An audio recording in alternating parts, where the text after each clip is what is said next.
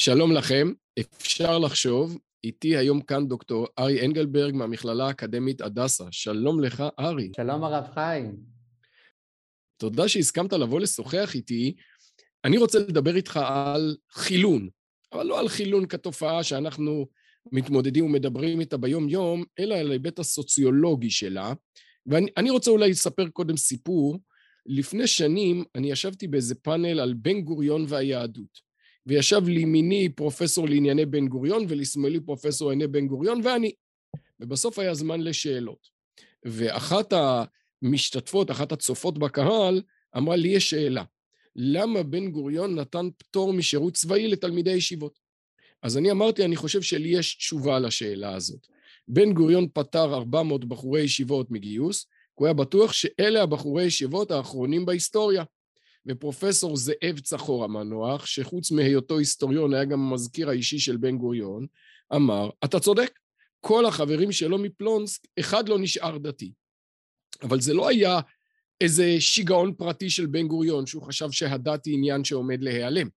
באמצע המאה העשרים זה היה כמעט מיינסטרים אצל כל אדם משכיל במערב כולו. אני צודק? אה, כן, לא יודע אם כל אדם משכיל, אבל זה בהחלט הייתה הדעה הרווחת עוד קודם אגב, כלומר עוד בתחילת המאה העשרים, כלומר ואפילו במאה ה-19, כשרוב רוב האנשים היו דתיים, אה, עדיין הדעה הרווחת יותר הייתה שהעולם הולך לחילול, כך חשבו רוב הסלטה ושמנה של אנשי האקדמיה וכולי, כן, בהחלט. עכשיו, בהקשר הסוציולוגי, יש כאן תזה מאוד ספציפית ומאוד משפיעה, נקראת תזת החילון. נדמה לי ש... הראשונים שאנחנו יכולים לייחס להם אותה כשיטה ככה ממש אמ, כוללת ומקיפה, זה הסוציולוגים מקס ובר ואמיל דורקהיים, והם אמרו, ככל שהמודרניזציה מתקדמת, הדת דועכת. כן, כן, בהחלט. אה, אפשר אגב לצרף גם את החבר השלישי שלהם, את קרל מרקס, שהרבה פעמים מציגים את שלושתם ככה בכל הקורסי מבוא לסוציולוגיה, אפילו שמרקס לא חשב שהוא סוציולוג, אבל uh, מציגים אותם כאבות הדיסציפלינה. אה, אז כן, בהחלט הייתה איזו הנחת עבודה ברורה שהעולם הולך לחילון. אגב, זה מתחיל עוד קודם, כלומר עוד אנתרופולוגים של אה, סוף המאה ה-19, ששאבו מהם כל מיני הוגים באותה תקופה, אנשים כמו ג'יימס פרייזר ואחרים, שלדוגמה אנחנו יודעים שפרויד קרא אותו ומאוד הושפע ממנו, וגם פרויד אגב הניח שהעולם הולך לחילון. אז עוד אצלו זה התחיל עם איזו תפיסה בסיסית כזאת, שאנחנו הולכים לקראת איזו רציונליות מדעית. כלומר, התפיסה שלהם גם הייתה לכל אורך ההיסטוריה, זה התחיל מאיזה מגיה, זו תפיסה טרום דתית, זה הולך לקראת, הלך לקראת הדת המונותאיסטית, הנוצרית, שהייתה יותר מתקדמת באיזשהו אופן, יותר רציונלית, ובסוף כמובן מגיעים למדע והחילון וההבנה שלא צריך אה, חבר אה, אה, בלתי נראה, כמו שאוהבים לקרוא לזה. אז זו, כאילו הייתה מין דעה רווחת כזאת.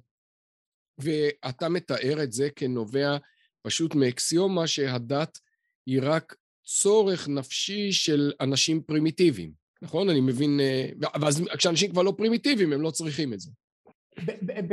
במובן מסוים כן, אבל בהקשר הזה הצורך הרגשי זה יותר בלט אצל פרויד, שכמובן גם נתן בהם סימנים, כלומר איזה נוירוזות אה, מביאות לצורך באמונה דתית ואיך האלו אה, זה.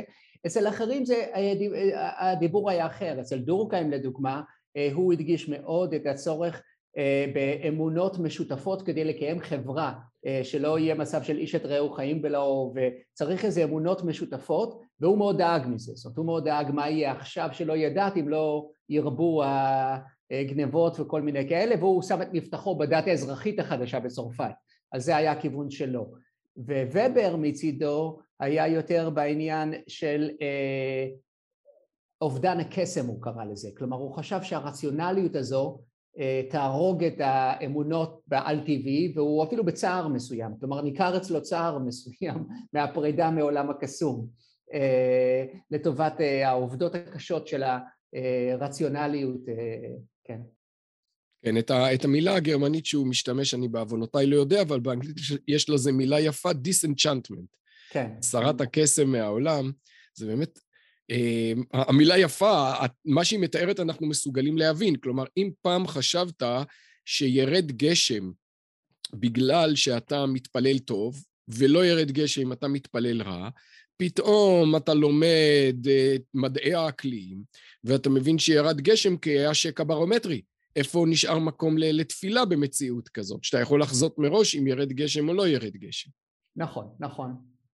זו בהחלט הייתה התפיסה, אבל הוא, הוא לקח את זה למקום רחב יותר. זאת אומרת, ובר ממש מתאר את ההתפתחות הרציונליות כזה, כמעט כמו שמבוגר לעומת ילד. כלומר, ילד הוא גם שרוי בתוך עולם שבו, של קסם באיזשהו מובן. הוא לא מבדיל מספיק ב, ב, בין עצמו לבין אה, סביבתו, לבין החלומות שלו, לבין המציאות, והוא חשב שהאנושות הולכת ומתפתחת, ושוב, הוא, הוא, הוא ואחרי זה גם ברגר, שאני אולי נדבר עליו, אה, מייחסים גם לדת ישראל הספציפית ולנביאי ישראל תפקיד בדבר הזה, שהם העבירו את האל לשמיים. אה, אבל כמובן הוא חשב שהתהליך בסוף אכן יוביל לחילון. אז זה באמת מאוד מעניין. אתה הזכרת את החשש של סוציולוגים במאה ה-19 שהחלשת הדת תוביל לפשע, אנחנו מוצאים את זה כבר וולטר במאה ה-18 מיוחסת לו האמירה, אין אלוהים, אבל אל תגידו את זה למשרת שלי כדי שלא ירצח אותי בלילה. עכשיו, מה שאנחנו יודעים היום, שחברה מערבית היא בסך הכל חילונית ברובה, ואין הרבה רציחות. אנחנו כן רואים שעם ירידת הדת יש ירידה בפרמטרים מסוימים של התנהגות מוסרית, למשל הרבה פחות צדקה או חסד או התנדבות, אבל דווקא בהקשר של פשיעה אלימה שמאוד מאוד הטרידה כותבים בתקופה שאנחנו מדברים עליה, אנחנו רואים שהחשש הזה היה, היה מופרז. אבל בואו בוא נדבר רגע על איך התזה הזאת מתקדמת. אנחנו מדברים על עולם, סוף המאה ה-19, תחילת המאה ה-20, אמצע המאה ה-20 אנחנו מגיעים, עולם שבסך הכל רובו עדיין דתי, אבל המגמה היא ברורה שהאליטות הולכות ומתחלנות. והתהליך הזה נראה בלתי נמנע, הוא מקבל גיבוי סוציולוגי ותיאוריות נרקמות עליו, והרבה אנשים מקבלים את הדוקטורט שלהם על זה, ואז קורה משהו. מה קורה? אה, כן, אגב, אולי כדאי רק לפני זה באמת לתאר איך בעצם מנסחים את תיאוריית החילון, שאם תרצה נאריך עליה קצת, אה, רק לקראת סוף התקופה הזו. כלומר, לא הרבה לפני שינוי הדעה, לא הרבה לפני שמבינים שהעולם לא הולך ומתחלן, רק אז מנסחים תיאוריה שקוראים לה תיאוריית החילון. עד אז היה מין מובן מאליו כזה לדורקהיים, לכל החבר'ה האלה, אה, לטוקוויל שקדם לו ולכל מיני אחרים.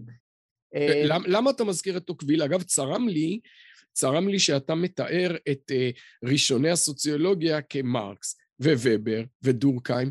אתם בברנז'ה הסוציולוגית לא סופרים את טוקוויל כאחד מאבות הדיסציפלינה? סופרים אותו, כ... אם להשוות את זה לציונות, סופרים אותו כמבשרי הדיסציפלינה. כלומר... יש אה, משהו שעומד נגדו באמת, וזה שהוא קריא. איך מישהו יכול להיחשב לסוציולוג אם כיף לקרוא? אבל אוקיי, בוא, בוא נגיד, אתה אומר, כמו שקורה הרבה פעמים, רק באמצע המאה ה-20, אחרי שהאקסיומה הזאת חיה הרבה הרבה זמן, רק אז היא מקבלת ניסוח שיטתי, אתה מתכוון לפיטר ברגר בהקשר הזה? גם לברגר וגם בעקבות הכתיבה שלו, ועסקו בזה הרבה. אבל זה באמת לא הרבה, זה אולי איזה 15 שנה, 10 שנים לפני שבעצם מחליטים לא הייתה פה טעות, אבל כמו שאני עוד מעט אתאר, אחרי זה שוב חזרו, והיום שוב הטענה היא שכן, בכל זאת יש חילון.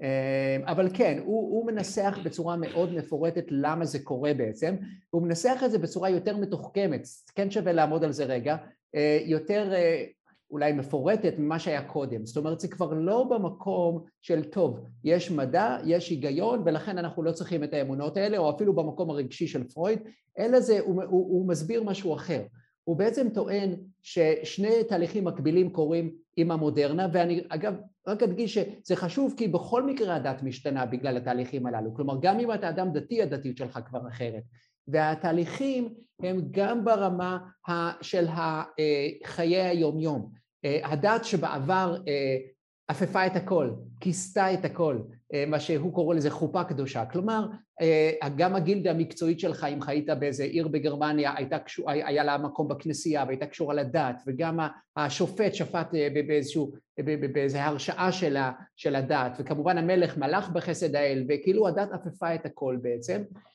מה שקורה עם המודרנה זה, וזה אגב שוב לא חידוש שלו בעצם גם דורקהיים כבר אומר את זה יש יותר ויותר דיפרנציאציה הפרדה בין תחומים. וההפרדה הזאת מביאה לכך שאנחנו יכולים לומר, אנחנו כולנו רגילים לומר בכובע שלי כ...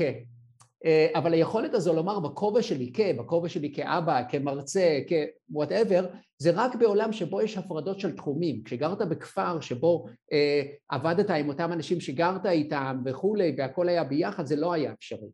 אה, עכשיו, ההתפתחות הזו אה, היא קשורה לחילול באופן מפתיע אולי. כלומר, אה, יש תחומי חיים נפרדים, ואז בעיר המודרנית אתה נפגש עם אנשים בני אה, דתות שונות. אז אה, שוב, אולי גם בעבר נפגשו, מן הסתם אם חיית בוורמייזה בימי הביניים פגשת יהודים ונוצרים, אבל פה המפגש מתרחש על קרקע אחרת.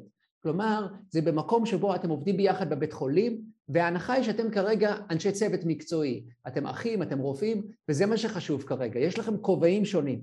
ופתאום אתה יכול לראות באחר אדם שהוא לא פחות טוב ממך, והאמונות שלו הופכות להיות עניין פרטי.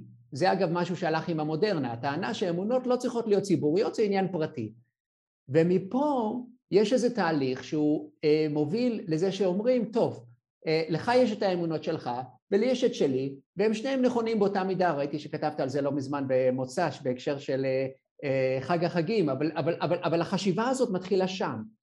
אה, זה מוביל בסוף, ופה אתה צודק לגמרי, לתפיסה שטוב, אם האמונות שלך אמיתיות בשבילך ושלי בשבילי, אז בעצם אף אחד מהם לא ממש אמת. אמ, אז הוא מתאר את התהליך הזה שמתרחש אה, בעיר המודרנית, וטוען ששני הדברים הללו, זה שהדת מצטמצמת לתחום אחד של החיים, שהוא לא מנהל אותך ביום יום שלך, ואתה בעצם יכול בלי זה, וב' עצם המפגש עם אחרים, אותו פלורליזם שמוביל לחילון התודעה. אז הוא בעצם מסביר את התהליכים האלו ברגר לראשונה בצורה מאוד מעמיקה, בין אם נסכים איתו ובין אם לא, אבל אני חושב שזה תיאור מעניין.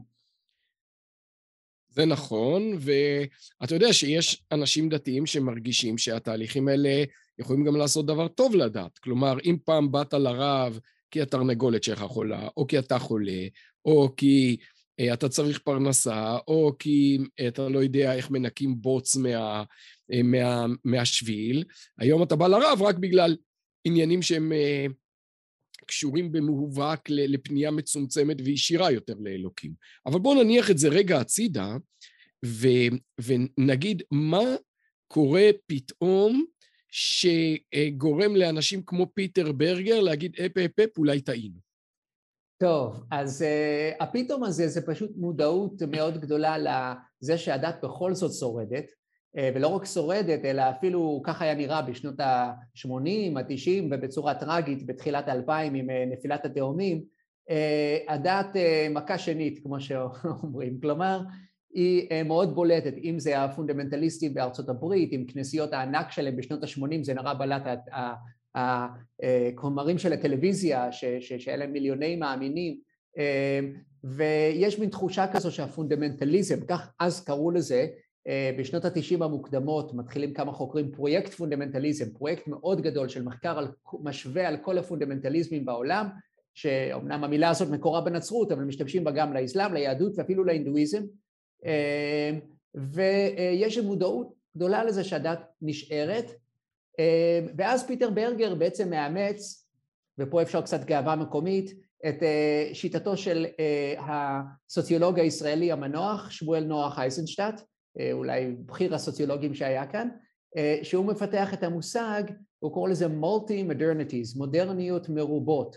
כלומר, טענתו היא שמודרנה איננה מובילה בהכרח לחילון, זה לא בהכרח ילך באותו נתיב שצעדו וולטר ואחרים בעקבותיו, אלא אה, גם הפונדמנטליזם עצמו אה, הוא מודרני, וזה, הוא מקדיש לזה זמן, אייזנשטט, להסביר למה הפונדמנטליזם הוא בעצם מודרני לשיטתו, אה, למרות שהם כמובן מתארים את עצמם רק כממשיכי העבר. אבל ברגר מקבל את הטענה הזאת ומאוד מנכיח אותה בכתבים שלו. שטעיתי, הוא אומר, בעצם המודרניות יכולה ללכת גם עם דת ובצורות שונות. אנחנו רואים בשנות התשעים שורה של אה, סוציולוגים בארצות הברית, נדמה לי שהבולט ביניהם הוא סטארק, שאומרים, תקשיבו, העובדה שבארצות הברית אין חילון, אין מגמה של אה, חילון, יש להפך איזה Great Awakening, התעוררות גדולה של דתיות אה, אוונגליסטית, זה בגלל שבארצות הברית יש משהו מיוחד שאין באירופה, וזה הרבה בחירה. כלומר, אנחנו רואים מין תיאוריה של דומני, זה לא המקצוע שלי, אבל דומני שהייתה פופולרית לכמה שנים, שאומרת, צריך להכיל את תיאוריות השוק החופשי גם על הדת. בארצות הברית יש הרבה דתות, אז הן יותר מוצלחות, לכל אחד יש בחירה, והעובדה היא שהאמריקאים לא פחות דתיים, בניגוד לאנגלים שיש להם דת רשמית אחת והם לא באים אליה אף פעם. כן, ביינברידג' וסטארק, באמת אה, אה, היה להם אה, תיאוריה כזו. בינתיים אגב, מעניין לציין שזה שוב התהפך, כלומר הטענה היא ממש מהמחקרים של השנים האחרונות, שכן יש ירידה בדתיות גם באמריקה, כלומר בעיקר בדור הצעיר. ומחקרים שנעשו ממש ככה במחקרי רוחב שנעשו בשנים האחרונות, טוענים שברגר בכל זאת לא טעה, כלומר הוא טעה לגבי העולם בכללו, אבל הוא לא טעה לגבי המערב, כלומר זו, זו, זו, זו לגבי ארצות הברית ואירופה, וגם ארצות הברית כבר משתווה לאירופה. העניין הוא שזה לא כל כך ברור, כלומר יש פה בעצם שתי, אה, כלומר גם המציאות וגם הסברה פה, יש פה כמה דברים שמתעתעים קצת. אה, לדוגמה, המחקר המאוד גדול שמצא שגם בארצות הברית יש ירידה בדתיות דיבר, הוא שאל בעיקר על החשיבות של האל בחיים של האנשים.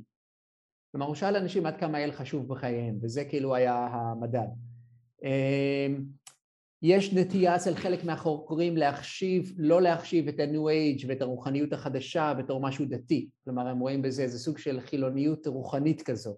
אז יש פה הרבה, אה, זה אגב בולט גם בספרו האחרון של תומר פרסיקו, אה, אדם בצלם אלוהים, אה, הגישה הזאת שבעצם גם בישראל לשיטתו ולשיטת יוכי פישר, חוקרת בכירה במכון ון ליר,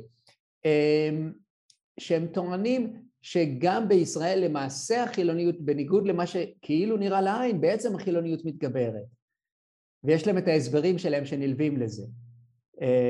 מצד אחד הם אומרים שבאמת אותה רוחניות, הם לא מחשיבים אותה כתופעה דתית. אז חלק מהסיפור הוא מה, מה אתה מחשיב כתופעה דתית.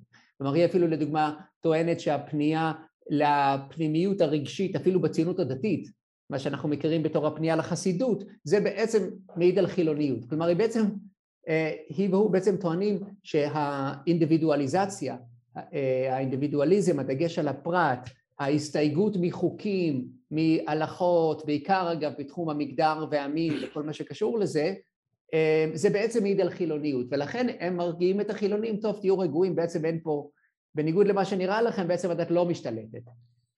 אני אומר שכשאני קורא מחקרים כאלה סוציולוגיים, בדרך כלל אני מוצא שני פרמטרים שהם שואלים, אחד זה כמו שאמרת על אמונה באלוקים, נוכחות של אלוקים, ושנייה זה מה שהם קוראים religious attendance, כלומר כמה פעמים אתה בא לכנסייה או לבית כנסת.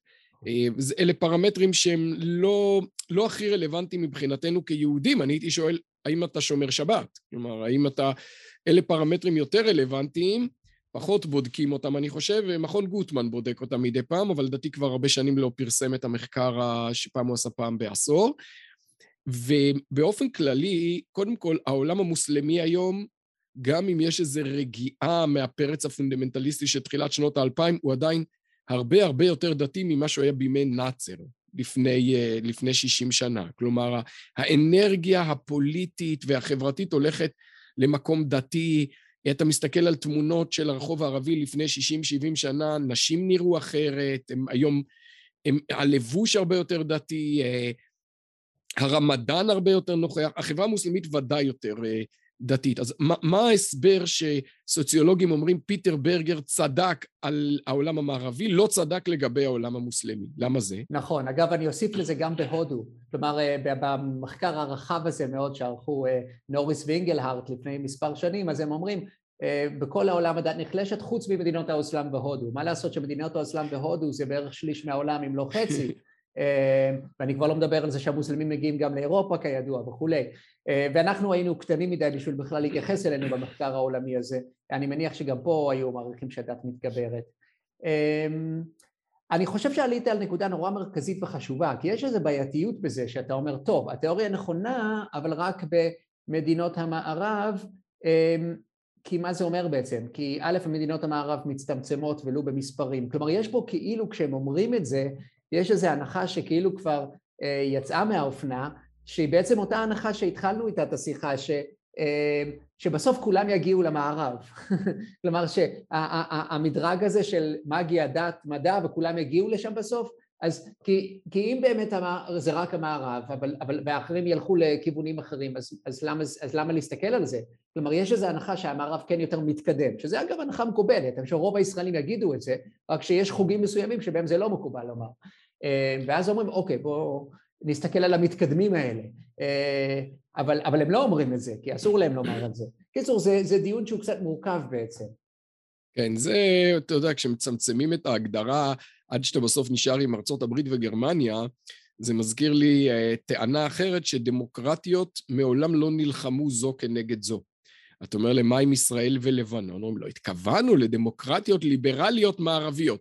אז בעצם מה שנשארנו עם זה שגרמניה וצרפת לא נלחמו אחת עם השנייה מאז שהם הרסו אחת את השנייה לפני 70 שנה, שזו תזה קצת פחות מקיפה ממה שהיא נדמת לכתחילה. אבל אם נחזור לתזת החילון, בואו נדבר באמת על ישראל. תשמע, בעיניי, לטעון, לא, לא קראתי לצערי עדיין את הספרים שציטטת, על, אה, אבל אה, להגיד כן, יש פה חילון כי הדת עוברת, משהו נהיית, נהיית יותר אמוציונלי, יותר אישי, זה בעיניי טענה שהופכת להיות עניין של מינוח. אתה, אתה מגדיר את זה חילון, אני לא מגדיר את זה חילון, אני מגדיר את זה גוון אחר של הדת, שמושפע ודאי מהעידן המודרני, אין ספק, כולנו רואים את זה, אבל מבחינתי, אני לא מסתכל על הדת מבחוץ כסוציולוג, אני מסתכל על הדת מבפנים, כ- כאדם שמשתדל להיות עובד אלוקים. מבחינתי אדם שעובד את הקדוש ברוך הוא, שרואה את עצמו נאמן להלכה, זה דת. מעבר לזה עניין של סגנון שפחות מעניין אותי, ובהקשר הזה, אמ, אני חייב להגיד, מדינת ישראל, לי נראית הרבה יותר דתית ממה שהיא הייתה. אני לא מסתכל על... אנשים ממשיגים את זה ככפייה דתית, כי זה נוח להם פוליטית להגיד כופים עלינו, אבל השינויים הגדולים לא כפייה דתית, השינויים הגדולים הם שהאירוויזיו, אה, סליחה, הפסטיגל הפסיק להתקיים בשבת, כי פשוט עומר אדם אמר, אני לא מגיע, אם זה יהיה בשבת. אז אין פסטיגל בשבת.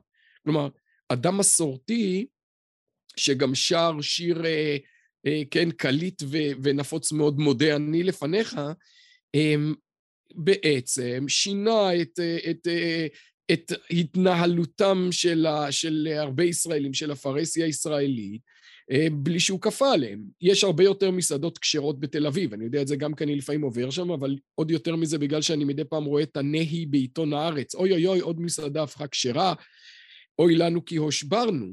אה, אני, אני רואה, אה, עכשיו התפרסם שהשיר המושמע ביותר בשנת 2021 ברדיו הישראלי היה סיבת הסיבות של ישי ריבו. כלומר, הפלייליסט הישראלי הופך להיות דתי. ואני בכלל עוד לא אמרתי פה שום דבר על העלייה הדמוגרפית של החרדים, שהיא גם פרמטר חשוב בפני עצמו. כן, אני, אני מסכים עם הכל. אה, אני אגיד שתי דברים. קודם כל, רק רגע לפני שנצלול לתוך הנושא הזה, אה, על מה שפרסיקו ופישר אה, כותבים, שווה רק להוסיף עוד הערה, שכן יש משהו מעניין בזה, שגם אם, כמו שאתה אומר, אתה מסתכל כאדם דתי, ומתוך המקום הדתי, אבל ייתכן שהדתיות שלנו באמת שונה מהותית ממה שפעם הייתה דתיות, וזה כאילו כן נקודה חשובה גם לנו כאנשים דתיים, אה, או מסורתיים, אם אני אדבר על עצמי, אה, זה כן, זה כן אה, בעל חשיבות, כלומר, הוא מראה שם הרבה, אגב, בעקבות הפילוסוף הקנדי צ'ארלס טיילור, איך ה... איך בעבר הוא משתמש בביטוי האדם מן הכבובי, ככה שוב בעקבות אה, טיילור, כלומר האדם היה פחות מובדל מסביבתו והיום יותר ויותר מקובל לנו שהאדם הוא יצור נפרד לחלוטין מהסביבה שלו וזה הולך אה, ומתגבר, אותה תחושת הפרדה. זה גם בא לידי ביטוי בזה שכל אדם יש לו זכויות כאדם ופחות לקולקטיב יש השפעה עליו. אה, עכשיו פרסיקו מזהר את התהליך הזה בעצם כזיהוי, כמזוהה לחילוניות, אני פחות רואה את זה, אבל כן, בפנייה אל האל, אה, הפנייה היא אחרת. אה, וזה קצת, אה, זה, זה, זה פנייה, השאלה היא עד כמה האל הוא בתוכי, עד כמה אני שומע קולות מבחוץ, עד כמה האדם מושפע מדברים שקורים מבחוץ. הוא מדבר לדוגמה על תפיסה שהייתה פעם רווחת ששד יכול להיכנס בתוכי. והיום אנחנו פחות תופסים את זה כי אנחנו רואים את עצמנו כנפרדים לגמרי. אמ, אז יש לזה השלכה גם על היחס של אדם למשפחתו ולסביבתו, אבל גם על היחס שלו לאל. תראה, אני, אני חושב שוודאי אפשר לראות שאם אתה חוזר 300 שנה אחורה, אלוקים היה המובן מאליו. כלומר, אף אחד לא חשב, אף אחד לא תיאר את עצמו כדתי, כי לא הייתה אופציה אחרת. הוא פשוט היה רגיל. האלוקים היה שם, פשוט כמו שהשמש הייתה שם. אף אחד לא חשב שיכול להיות משהו אחר. אה, העובדה שאנחנו בוחרים באלוקים, בוחרים להאמין בו, בוחרים לעבוד אותו, היא שינוי גדול. יש בו היבטים שכשאני מסתכל מבפנים כאדם דתי הם, הם מחירים, אבל יש בו גם היבטים שהם ברכה, כלומר, אתה רואה אוניות שלמות בתחילת המאה ה-20 שמביאות מהגרים יהודים מרוסיה לאמריקה, והרב מאיר בר אילן מספר שהוא רואה יהודים עם זקן, שטריימל, קפוטה, אוכלים חזיר באונייה. הוא אומר להם, מה אתם עושים? זה חזיר. ואומרים לו, אתה לא יודע שאנחנו באים לאמריקה? ברוסיה היינו, שמרנו שבת וכשרות כי, כי זה מה שכולם עשו, כי זה מה שיהודים עושים, אבל באמריקה אוכלים טרפות, זה מה שכולם עושים. כלומר, תיות שהיא מאוד מאוד לא מודעת, שהיא מאוד המובן מאליו, היא גם קלה להשתנות עם המובן מאליו. השינוי שאתה מתאר, שיש קושרים אותו ברפורמציה, אבל לא בטוח שמשם הוא בא, הוא לא רק לרעה מבחינה דתית, יש בו יותר מודעות, יותר בחירה, יותר הפנמה. כן, כן, בהחלט. יש, אה, אפשר, אפשר באמת לדרוש את זה לכאן ולכאן. אה, טיילור בסוף כן חושב שהוא קורא לזה אטומיזציה, שכל אדם נעשה נפרד יותר ויותר, הוא, הוא, הוא, הוא כן שואף לאיזה מפגש עם האל, הוא כאדם אה, קתולי בסופו של דבר. אז יש לו את העדפה הזו, אבל נכון. אבל, אתה מדבר אבל... על טיילור בסקולר אייג'? כן, כן.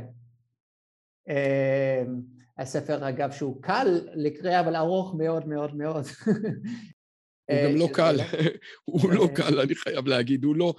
צ'ארלס טיילור יש לו הרבה מעלות, אבל כתיבה שוטפת אינה אחת מהן. אבל בוא... מהצרפתים, אבל בסדר, בוא... כן. מה, מה אמרת? פחות גרוע מחלק מהצרפתים, אבל כן. צרפתים אני לא קורא חוץ מדקארט, אז אני חוסך לי את זה. תגיד לי, אה, אה, אז בוא, בוא נדבר באמת על, אה, על מדינת ישראל. אנשים אומרים לי, טוב, זה לא חוכמה שהחרדים מתרבים, פשוט יש להם הרבה ילדים. אני אומר להם גם במאה ה-19 היה להם הרבה ילדים, וכל הילדים האלה נהיו חילונים. כלומר, העובדה שהחברה החרדית היא עמידה, מוכח, מוכיחה עמידות יוצאת דופן שאף אחד לא חשב שיהיה לה בשנות החמישים, היא, אה, היא בעיניי ראויה לעיון ולמחשבה גם סוציולוגית, גם פילוסופית. כלומר, המחשבה שאנחנו מקילים על עצמנו כשאנחנו אומרים, טוב, כולאים אותם שם. החברה, מה זה כולאים אותם שם? בן אדם יכול בגיל 16, 17, כמו שעשה ביאליק בוולוז'ין, לעזוב הכל, וללכת אה, ללמוד מקצוע, וכמה שנים לעבוד קשה, ו- ולרכוש לעצמו חיים מאוד מאוד מאוד נוחים מבחינה חומרית. וזה לא קורה הרבה. כלומר, העמידות של החברה החרדית בישראל היא תופעה בעיניי מרתקת. אני מסכים איתך. אמ, אני חושב עכשיו שזה יכול להיות מעניין להשוות את זה לארצות הברית. אמ, אני לא מומחה לדמוגרפיה היהודית בארצות הברית, אבל אני זוכר שדיברו עליהם כעשר אחוז, על האורתודוקסים גם לפני ארבעים שנה וגם היום. אה, עכשיו יש כל מיני עניינים במדידה של יהדות ארצות הברית, כי שם זה נכנס לשאלה מי אתה מודד, אם, אם, יש לו, אם הוא לא יהודי לפי ההלכה או כן, וכל מיני שאלות אחרות. אמ, או, או שהוא רק משתתף, כמו שהאמריקאים אוהבים למדוד השתתפות, שמגיע פעם ב... אבל הוא גוי משני הצדדים, אבל מגיע לבית כנסת, אז יש פה הרבה שאלות.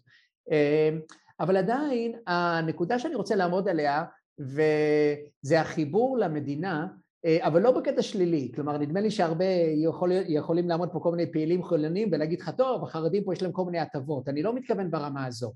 אני חושב שהיא מתחולל בישראל תופעה מעניינת, מתוקף זה שזו מדינה יהודית, יש כאן משהו, אפילו שכמפורסם וכידוע החרדים התנגדו לציונות במקור, אה, חלק מהם לפחות, אה, יש כאן איזה משהו שהולך ומצטלב, הלאומיות הדתיות והדתיות היהודית.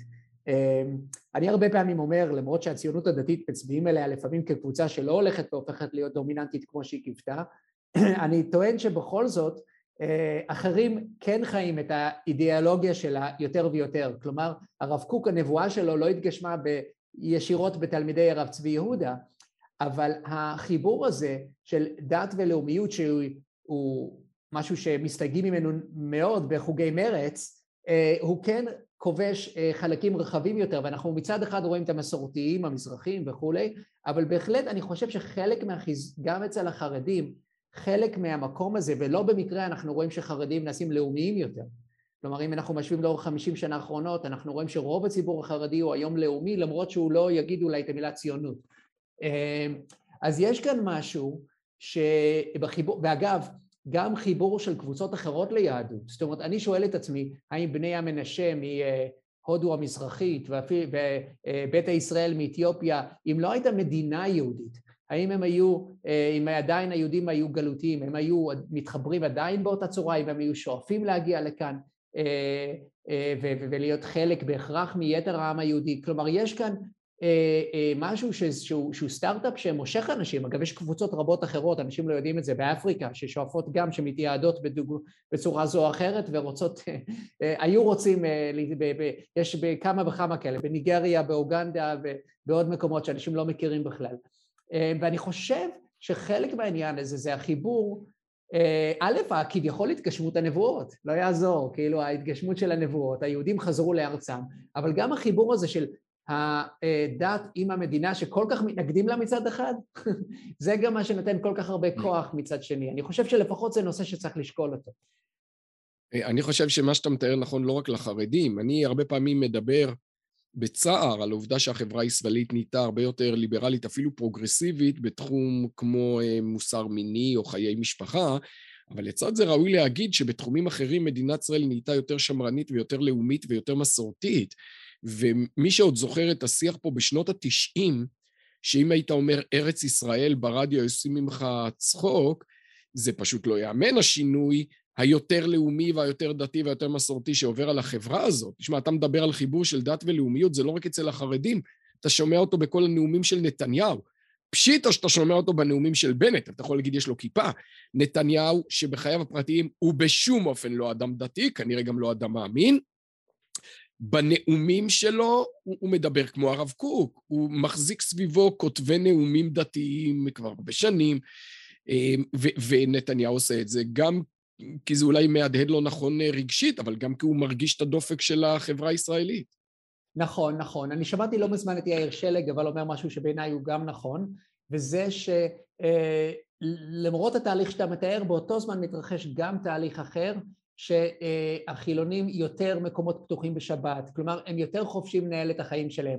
הנושא של נישואין מחוץ לרבנות בכל מיני שיטות אחרות יותר ויותר רווח. כלומר, יש כאן בעצם שני הדברים שמתפתחים במקביל. מצד אחד אני מסכים איתך לגמרי שיש את המרחב הרחב הזה, וחלק מזה אגב קשור לתרבות המזרחית. שהיא ברובה מסורתית שמקבלת יותר במה ויותר בולטות, חלק מהתופעות שתיארת בתחרויות זמר כאלה ואחרות וכולי, זה בגלל הבולטות הזו של המזרחים שמחברים את המסורתיות לעומת מה שהיה לפני 40 שנה, אבל באותו זמן יש גם התחזקות משמעותית של הליברליות החילונית, שגם נוספים לה אגב, נוספים לה גם אה, מהגרים. אה, יהודים ולא יהודים שהם מצטרפים, שזה כבר לא מדברים בקבוצה קטנה מתוך האוכלוסייה, שהם בוודאי מזדהים עם חלק מהתפיסה הזאת, וגם סתם אנשים שהם אה, אה, מתוך הציבור היהודי, שהם יותר ויותר מתפיסה ליברלית. אז, אז יש התחזקות של שתי המגמות הללו, גם בתחום המגדרי והמיני, אבל לא רק שם. אז, אז, אז שתי התופעות קורות בו זמנית, וכן, לדעתי. כן, אני אגב, בקטע הזה של סלידה גוברת מחקיקה דתית, אתה יודע, לא נורא בעיניי. כלומר, אם זאת עסקת החבילה, אמ, שיהיה פחות כפייה מלמעלה על אה, סגירת חנויות בשבת, אבל מצד שני הרבה יותר תודעה יהודית, הזדהות, אה, גישה מסורתית, אמונה, אני, אני קונה את הדיל הזה. Mm-hmm.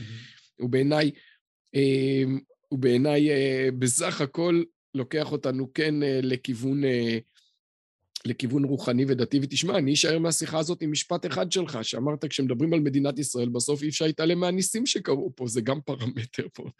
בוא לא נתעלם מזה. הנבואות שהתגשמו, אבל כן, גם אה, זה, כן. נכון. אה, תראה, קשה מאוד, קשה מאוד באמת לדעת מה יהיה העתיד. גם אתה אומר שמחקרים היום מראים הם, על מגמות של חילון, בעיקר אצל הדור הצעיר. יכול להיות שזה אגב לא קשור כל כך לרוח התקופה כמו לדור הספציפי הזה, ל-Generation Z, לצעירים ממש שהם דור ה... גדלו עם אייפון ביד והם מתנהגים שונה מדורות קודמים ואף אחד לא יודע בדיוק לאן זה ילך. אבל בכל זאת, אני לא דורש ממך נבואה, וזה גם כמובן לא כדאי לעשות את זה. אבל איך אתה רואה, נגיד, את, את ישראל הולכת בתקופה הקרובה בהקשר הזה של חילוניות או דתיות? אגב, אני רק אגיד לגבי Generation Z, הם מחברים את זה הרבה בדיוק לנושאים שגם הזכרנו, למגדר ומין. כלומר, הטענה שלהם שההתרחקות מדתות מסורתיות ושמרניות זה בגלל התפיסה שנוכחת כל כך בדור הצעיר הזה של זכויות אזרח, של כל, כולם שווים וכולי וכולי, שהיא חזקה יותר אצל, במעמד הבינוני גבוה, כן, לא אצל כולם. על ישראל, אני, אני מודה שלא תכננתי מראש, אני, אני, אני די רואה את שתי הכוחות הללו ממשיכים ומתחזקים כל אחד במקומו, אם דיברנו שהמודרניות מאפשרת יותר ויותר מגוון ודיפרנציאציה, יש פה תופעות חדשות שאנשים לא דמיינו אותן, זאת אומרת יש היבטים דתיים מסוימים להתנגדות לחיסונים ולקונספירציות, אפשר אולי בהזדמנות אחרת לדבר על זה, זה מאפיין תפיסת עולם שלמה בעצם שיש לה משותף עם תפיסות דתיות מבחינת זה שאירועים בעולם מוסברים דרך התפיסה הזו וחיי היומיום מוסברים.